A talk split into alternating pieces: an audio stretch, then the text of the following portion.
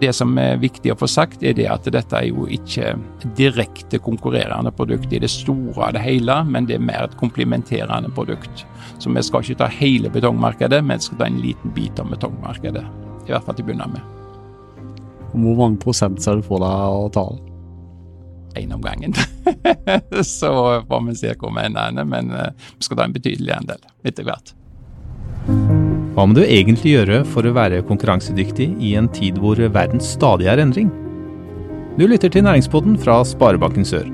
Her vil du oppleve næringslivet fra innsiden og møte inspirerende mennesker som er med på å utvikle landsdelen vår. Betong skal vi snakke litt om i dag, og i hvert fall eh, det å eh, bygge byggmasse, kan man kanskje si. Um, for betong er jo kanskje et av de materialene som er mest brukt eh, som byggemateriale i verden i dag. Det er mange grunner til det, med mye, mange gode funksjoner, men samtidig så har den en bakside nettopp med klimagassutslipp. Det er det et firma i Arendal som nå har tenkt å gjøre noe med. Det firmaet heter Foam Rocks, og det er det deg som er gründer av, eh, Rolf Jacobsen. Ja, Velkommen til Næringsbåten. Takk skal du ha. Du, eh, For de som ikke kjenner til deg eller firmaet du nå driver og representerer, kan du ikke fortelle litt? Jo, eh, det kan jeg si at gjerne. Det begynte jo med at en skulle finne et erstatningsprodukt for PS-skum til tunnel som da var isolasjonsmateriellet som de eh, bruker og har brukt og bruker fortsatt i dag. Så eh, pga. brann og sånne ting som dette, så sikrer de jo dette i dag med betong. Eh, veldig mye betong, og tung betong. Og mm, ikke det beste i forhold til miljø. Så det var der eh, eventyret starta for 20 år siden, når jeg fikk den oppdraget av Jernbaneverket, faktisk. Og eh, ti år etterpå så eh, kom jeg borti dette celleglassmaterialet.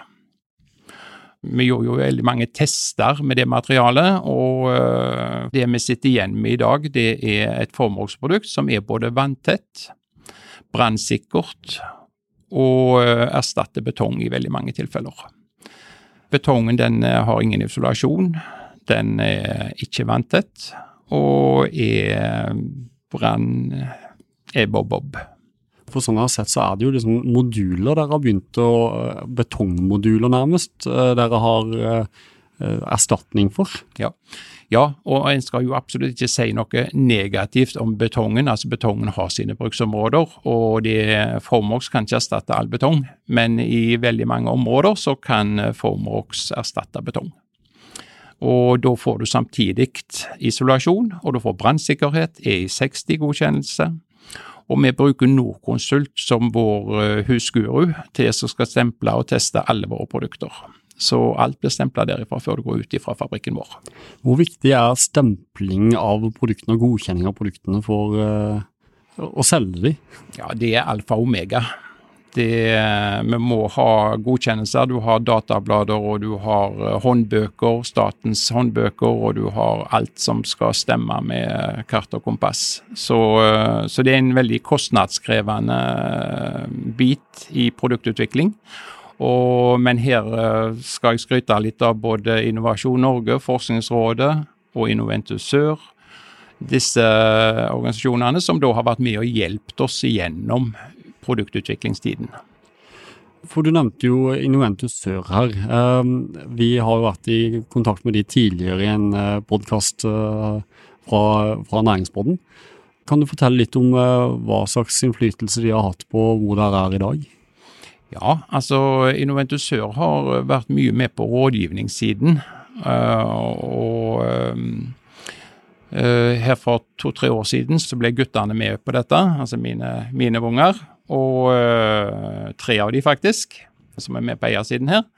Og øh, da begynte jeg å komme inn i litt ukjent terreng, for jeg har alltid jobba alene. Og da skal vi plutselig lage en organisasjon, et firma, og vi skal bygge industri. Og da var Innoventusør veldig nyttig å ha med på laget. For dette her er jo øh, Lytterne kjenner jo ikke til dette, men det er jo en familiebedrift? Ja, i utgangspunktet er det en familiebedrift, absolutt. Fortell litt om eh, det. da.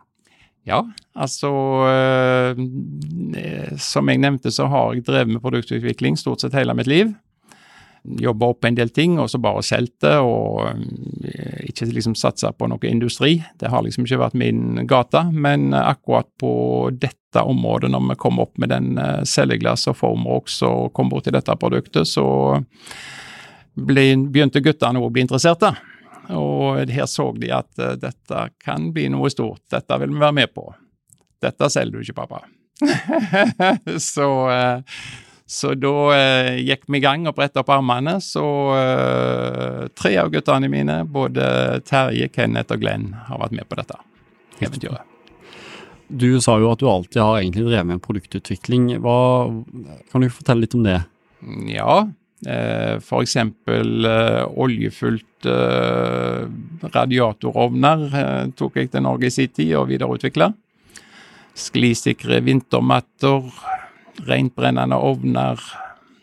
Så det er mye, mye sånne produkter. Ikke så mye data og sånne ting, men mer bruksgjenstander, nyttegjenstander som er utvikla. Men hva er det med produktutvikling som er så spennende for deg? Altså det blir nysgjerrigheten. Altså du blir nysgjerrig. Du, du ser uh, ting, og du ser at det, det må da kunne gå an å gjøres enklere enn dette her. Sånn som når du ser inn i en tunnel, for eksempel. Altså hvorfor har du så mye PS-skum, duk og betong inni den tunnelen? Jo, det er fordi at det drypper. Det kommer noen vanndråper fra det fjellet som ikke skal komme, og de, de kan fryse til is, og du kan få liksom brekkasje, altså i stein, og du kan få steinfall. Så jeg tenkte det må nok kunne være enklere måter å gjøre dette på.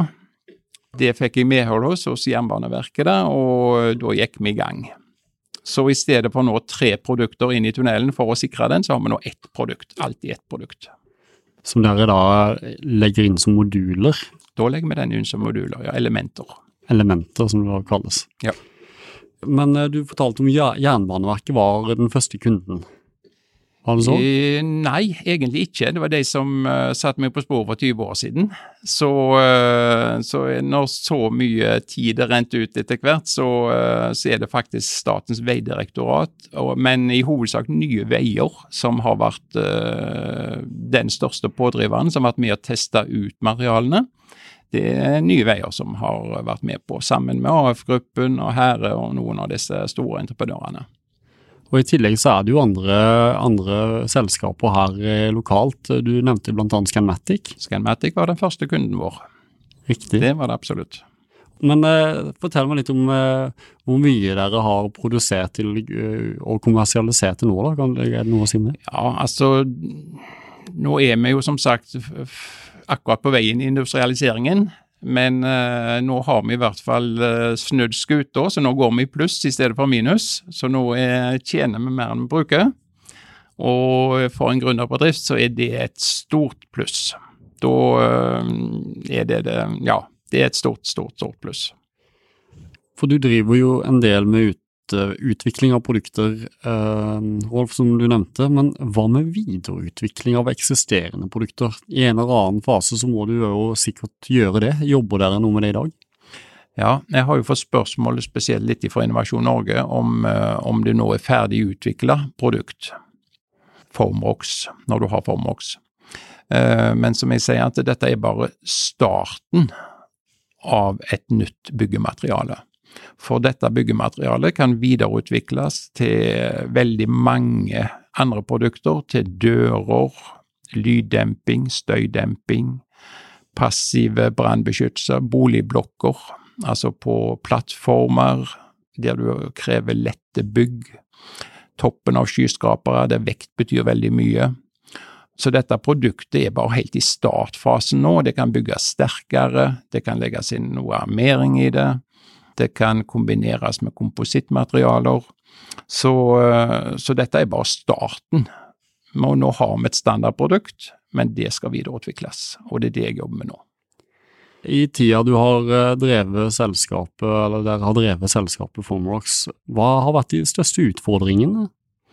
Utfordringene har vært, uh, vært, rett og slett håndbøkene til Statens vegvesen. Altså, de, de, har ikke De har veldig beskrevet hva de skal bruke i tunnelene. Uh, og de har uh, ikke funksjonskrav. Altså det er det vi står på sammen med Nye Veier nå, å få innført funksjonskrav, og ikke at de skriver 'her skal brukes betong'. Punktum. Men eh, her skal du bruke, få et funksjonskrav som vi skal oppfylle, og det gjør vi. Men uh, i den prosessen når du møter de utfordringene som Det, er jo ikke, det skal jo sies at i gryn, et gründereventyr så er det jo en, en god del utfordringer uh, vanligvis man møter på. Hvordan uh, har det vært flere enn det, sånn nettopp å opprette selskap og drift av selskapet? Ja, altså dette har jo tatt tid, og det har kosta mye penger. Så økonomi er jo en nøkkel. Men uh, det, det, første en grunn om å tenke på, er jo bruksområdet, altså samfunnsnytten på det produktet som du skal utvikle. Og uh, derifra så må du da bygge et team rundt deg som har tro på dette. Og uh, helst noen ord med økonomi eh, som kan bidra, og der i vårt tilfelle så var jo det eh, Innovasjon Norge og disse forskjellige, ja.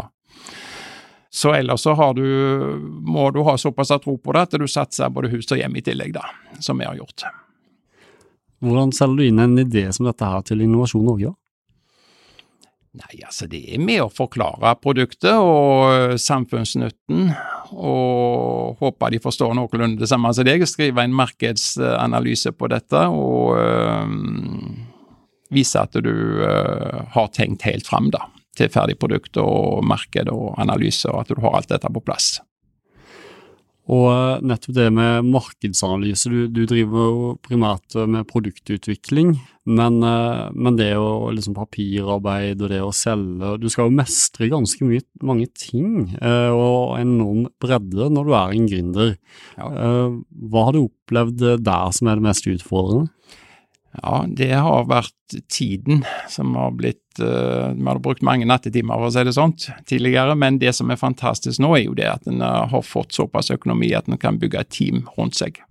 Så nå har vi fått en uh, fantastisk daglig leder som har erfaring på å bygge industri, og har erfaring fra akkurat denne bransjen som vi jobber med, selgeglass. Og vi har fått en fantastisk god produksjonssjef uh, som er en av mine sønner, det, som har stålkontroll på alt av dette. Og så har vi en fantastisk god selger som tar markedsbiten, salg og markedsføring, som òg er selvfølgelig en av mine sønner. Og eh, så har vi hatt Kenneth med på produktutviklingssiden, sammen med meg i perioder. Fortell litt om bakgrunnen din for hvordan eh, Du har vært nysgjerrig, det er jo det som ligger til grunn, men, eh, men du skal jo ha litt kunnskap her òg, rundt materiale og kjemikalier og den type ting. Ja, stemmer. Kan du ikke fortelle litt om bakgrunnen din? Jo, det har jeg tung, tung bakgrunn fra ni år i skole og ett år på yrkesskole som jeg strøyk. Ok, riktig. så det var den bakgrunnen. Men, uh, men Så var det to år til sjøs, og så var som 15-åring, og så uh, Ja. Så var vi i gang. Og så begynte du hvor? Jeg begynte egentlig med disse her ja, jeg begynte jo da først med, med noen sjåførjobber og litt sånne ting, men så, så ble det fort kjedelig, og eh, så så jeg plutselig disse oljefylte radiatorene, eh, noen gamle typer nede i eh, Polen, eller var det nedover der, og tenkte jeg dette må jo kunne gjøres litt bedre, og det var jo miljøvennlig, og så det var mitt første scoop, da. Så bygde vi om de og tok de til Norge, og nå er de stort sett i alle hjem i Norge, da. Men fortell meg òg litt om um, produksjonen av de, de, elementene dere nå lager. Mm. Um, hvordan, uh, hvordan, foregår det? Det foregår at vi henter i dag celleglassen fra Tyskland og Belgia. Og så har vi utvikla polyrea i typen i Italia. Uh, målsetningen vår er, og vi har jo dokumentert i dag, at uh, mot betong så har vi under halvparten av CO2-utslipp i forhold til det. Men uh, vi ønsker også å bygge fabrikk i Norge, helst på Sørlandet, helst i Arendal. men det vil vise seg. Men eh, det det med Innen to til tre år så skal den fabrikken være oppe og gå. Det er min visjon. Og da kommer vi ned i nullutslipp på CO2 eh, med grønn, produsere den på grønn energi. Og i dag så har vi jo uh, utvida markedet i forhold til bruksområder. Altså Vi ser jo stadig på nye bruksområder. Kunder kommer til oss, kan det brukes til det, kan det erstatte betong der, kan det brukes til det. Og i dag er vi på trekkekummer, lokk til trekkekummer, nødkiosker, elementer, brannvegger, uh, skaper. Vi er innen forskjellige bransjer, men det, det er bare starten. Det er enorme muligheter her fremover. Du, der begynte jo primært med, med brannvegger, stemmer det? Ja, det første vi lagde, det var skap.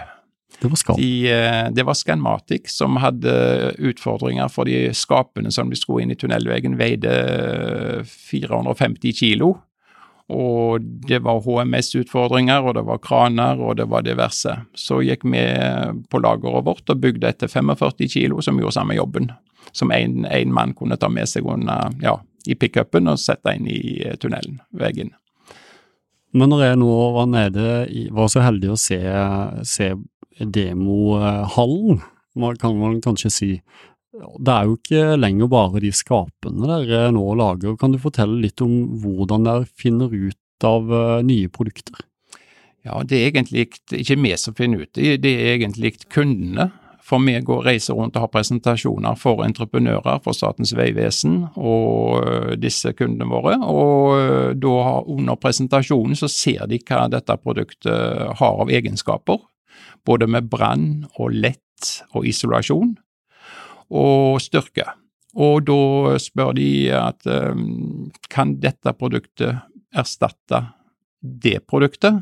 Kan det brukes der? Og da går vi hjem og så tester vi det, og i mange tilfeller så kan det det.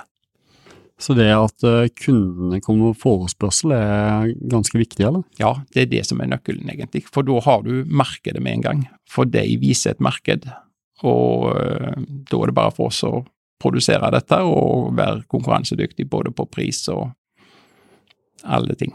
Men jeg vil tro at uh, hvis én kunde eller en en eh, potensiell kunde kommer og spør kan du bruke det til det og det, så, så, er det jo en viss fare, vil jeg tro, for at det er bare den kunden som trenger det, eller hvordan eh, tar dere en sånn markedsanalyse? Det som vi ser er det at uh, bruksområdene her, altså det, det, det er et lite kollegial ute, kan du si, blant entreprenørene, og de deler mye kunnskap. Så, så, nå er jo denne kunnskapen ikke bare i Norge, nå denne kunnskapen begynt å sige ut i ellers i verden. Så nå får vi jo egentlig telefoner fra diverse plasser rundt i verden, da. Men eh, det som har sagt at eh, vi skal først lykkes i Norge før vi går og tar det store spranget ut, da. Og der er du inne på litt ja, glasskula, som jeg så ofte kaller det. Hvor ser du Formlox være om en fem-seks år? Uh, hvor er betongen i dag? Og uh, i Norge så eksporterer vi ut over 30 000-40 000 tonn med returglass ut av Norge. Uh, som ikke blir brukt. Det går mye til Portugal og nedover der. Men dette vil vi beholde i Norge. Det er sirkulærøkonomien å bygge fabrikker. Ikke fabrikk, men fabrikker til å ta seg av dette glasset og bygge celleglass. Ja, for hvordan foregår det i dag? Du eksporterer glass fra Norge, og så importerer dere det igjen? Ja, det er det som skjer i dag. Er det mange andre bruksområder for uh, hvor glass benyttes? Ja, altså det benyttes jo glass i uh, syltetøy, altså det, i glassproduksjon generelt, da. Og, uh, og, i en del isolasjonsprodukter blir det, blir det brukt noe glass, men det er et stort, stort overskudd. Så det første spørsmålet vi har fått fra Vegdirektoratet, da, eh, for de ser jo volumene her er ikke bare enorme, men de er eksepsjonelt enormt store, volumene. Og det første spørsmålet var hvordan er tilgangen til råstoff? Og da kunne jeg svare med ei hånd på hjertet og si den er ubegrensa. Men av bare det glasset som eksporteres i Norge uh, ut til utlandet, hvor mange elementer kan du produsere uh, av det, det råmaterialet? Ja, en uh, fabrikk som vi bruker i dag, produserer 25 000 kubikkmeter med dette med celleglass. Så, eh, så ut ifra det som eksporteres ut ifra Norge, så kan vi, kan vi, i hvert fall bygge fire fabrikker bare på det vi eksporterer ut ifra Norge. Det er jo imponerende. Og på salgssida, kan du si litt om eh, hvor dere tenker å ta markedet videre, og hvilke kunder som er aktuelle ute i verden? Jeg kan jo si det at vi er jo eh, tatt ut nå i forhold til byggenæringens innovasjonspris, som går på bygg og anlegg. Så eh, dette mm, sprer seg jo veldig fort inne i disse miljøene, og bare det å bli tatt ut til den byggenæringsinvasjonspris er jo som å få en Amanda-pris i Norge. Så det er mange som ser potensialet her. Så, eh, så dette, dette vil bli et verdenskjent produkt ganske fort. Og hvordan gjør du det på En måte er jo jungeltelegrafen, eh, men er det andre måter dere markedsfører Formrocks på? Ja, altså du kan si bare sånn som AF-gruppen og Norconsult og disse som er med oss, altså de har avdelinger i andre plasser i Europa. Så de deler kunnskap så, eh, så i henvendelsene som vi har fått nå fra både Russland og Tyskland og you name it, altså det er sånn som har gått Jungeltelegrafen gjennom disse selskapene som allerede er på banen. Er du redd for uh, enten voksesmerter eller vokseutfordringer? Eh, jeg tror vi har tatt dette step by step, og det tror jeg vi skal fortsette å gjøre. Og være komfortable med, med dette. Vi skal ha opp fabrikken ute og gå nå. Vi skal være markedsledende i verden på dette. Det skal vi være. Så øh, Men jeg tror vi skal få inn mannskap som skal ta og styre denne skuta ganske greit etter hvert. Og vi har rette mannskapsplass i dag, og flere er på vei inn. Så det tror jeg skal gå bra. Dere er jo òg eh, en utfordrer i et veldig veletablert marked, altså et produkt som har eksistert, som du jo nevnte, i 1000 år, kanskje. Eh, altså betong. Eh, har du møtt noen motstand i den bransjen? Det tror jeg i utgangspunktet jeg skal si nei. Uh, og det er nok litt på grunn av at vi har gått litt stilt i dørene, vi har gått litt under radaren. Vi har uh, jobba litt i det stille. Eh, men de vil eh, absolutt møte oss i døra litt lenger framme. Eh, og vi har vel allerede møtt de nå inn i en del tunneler. Men, men det er jo ikke bare betongbransjen, men det er òg stålbransjen som erstatter jo stålet og bærene i ja, en del sånne ting òg. Men, men, det som er viktig å få sagt, er det at dette er jo ikke direkte konkurrerende produkt i det store og det hele, men det er mer et komplementerende produkt. Så vi skal ikke ta hele betongmarkedet, men vi skal ta en liten bit av betongmarkedet. I hvert fall til å begynne med. Hvor mange prosent ser du for deg å ta? det? Vi får ta én om gangen. så får vi se hvor vi ender, men uh, vi skal ta en betydelig andel etter hvert. Du, uh, vi har jo snakka litt om utfordringer med det å være gründer, um, men kan du òg fortelle litt om, uh, om hva du, når du ser tilbake her, hva du er ordentlig stolt av? Jeg er stolt av guttene mine. Det er vel nummer én. For de har hatt en lærevei som er helt utrolig. For de slutta som snekker og slutta som elektriker og eh, gikk inn i dette og har takla dette enormt fantastisk bra. Og det er jo de som skal overta dette etter hvert, så det, så det er det største. Det, det, er jo, for det er jo ikke en selvfølge. Og jentene mine, selvfølgelig. De har jo vært med på noe av dette. Riktig. Spesielt på reklamesiden. Hvor mange, hvor mange barn har du? Ja, det vet jeg ikke om jeg skal si høyt på radio. Da blir vi gjerne satt i bås her. Jeg har elleve barn som, som jeg kan snart betjene i fabrikk. da.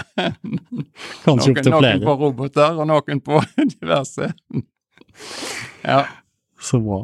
Um, la oss si at jeg, jeg kjenner på nysgjerrigheten og ser en mulighet, og ønsker å realisere en idé og et produkt. Mm. Har du noen tips til meg? Ja, eh, først og fremst er det dette med teamet rundt deg, å få en markedsanalyse på dette. Er det et samfunnsnytte i det produktet? Er det kunder som vil kjøpe det etterpå? Og er det bedre enn eksisterende? En må jo gå på konkurrenten her. Altså alle konkurrenter. Er, hva fordeler har dette produktet foran det konkurrerende produktet? Det er nummer én. Nummer to? Innovasjon Norge. Og nummer tre, som prøver å spørre Og så har du jo selvfølgelig da, når du har kommet litt ut i gang her, så begynner jo uh, utgiftene å bli overkommelige, og da eh, får du ikke Innovasjon Norge med, eller noen andre, når du skal gå i gang og gjøre noe matnyttig ut av dette. Da må du ha inn en investor på plass. Vi har jo vært så heldige og fått inn investor i vårt firma da, som heter Midtstøl AS. Så det er jo et lokalt firma her i Arendal som uh, er gått inn som investor hos oss.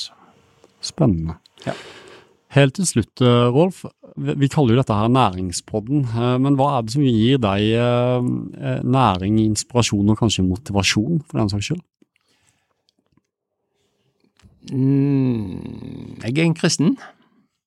Og er nysgjerrig for å forbedre verden og gjøre eh, tiltak som eh, er positive. Og dette med miljø har engasjert. Jeg så ikke det helt til å begynne med, at det var så miljøvennlig. Jeg så det var miljøvennlig, men nå ser jeg at det virkelig eh, tar en stor bit av, av kaka. Vi snakket nettopp med Nye Veier nå om litt om dette. Så, eh, så, bare med at de erstatter betongen i, i, de tilfellene der det går an, så kan de komme langt på vei med å nå sine klimamål til 2030. Bare med å bruke formelen ROX. Ikke sant. Mm. Du, kjempeflott. Eh, dette her har vært en eh, veldig interessant samtale. Så tusen hjertelig takk for praten. Jo. Du lyttet nettopp til Næringspodden av Sparebanken Sør. For flere episoder, gå inn på sor.no slash podden. Her kan du gi ris eller ros, samt tips til andre næringsdrivende vi bør intervjue.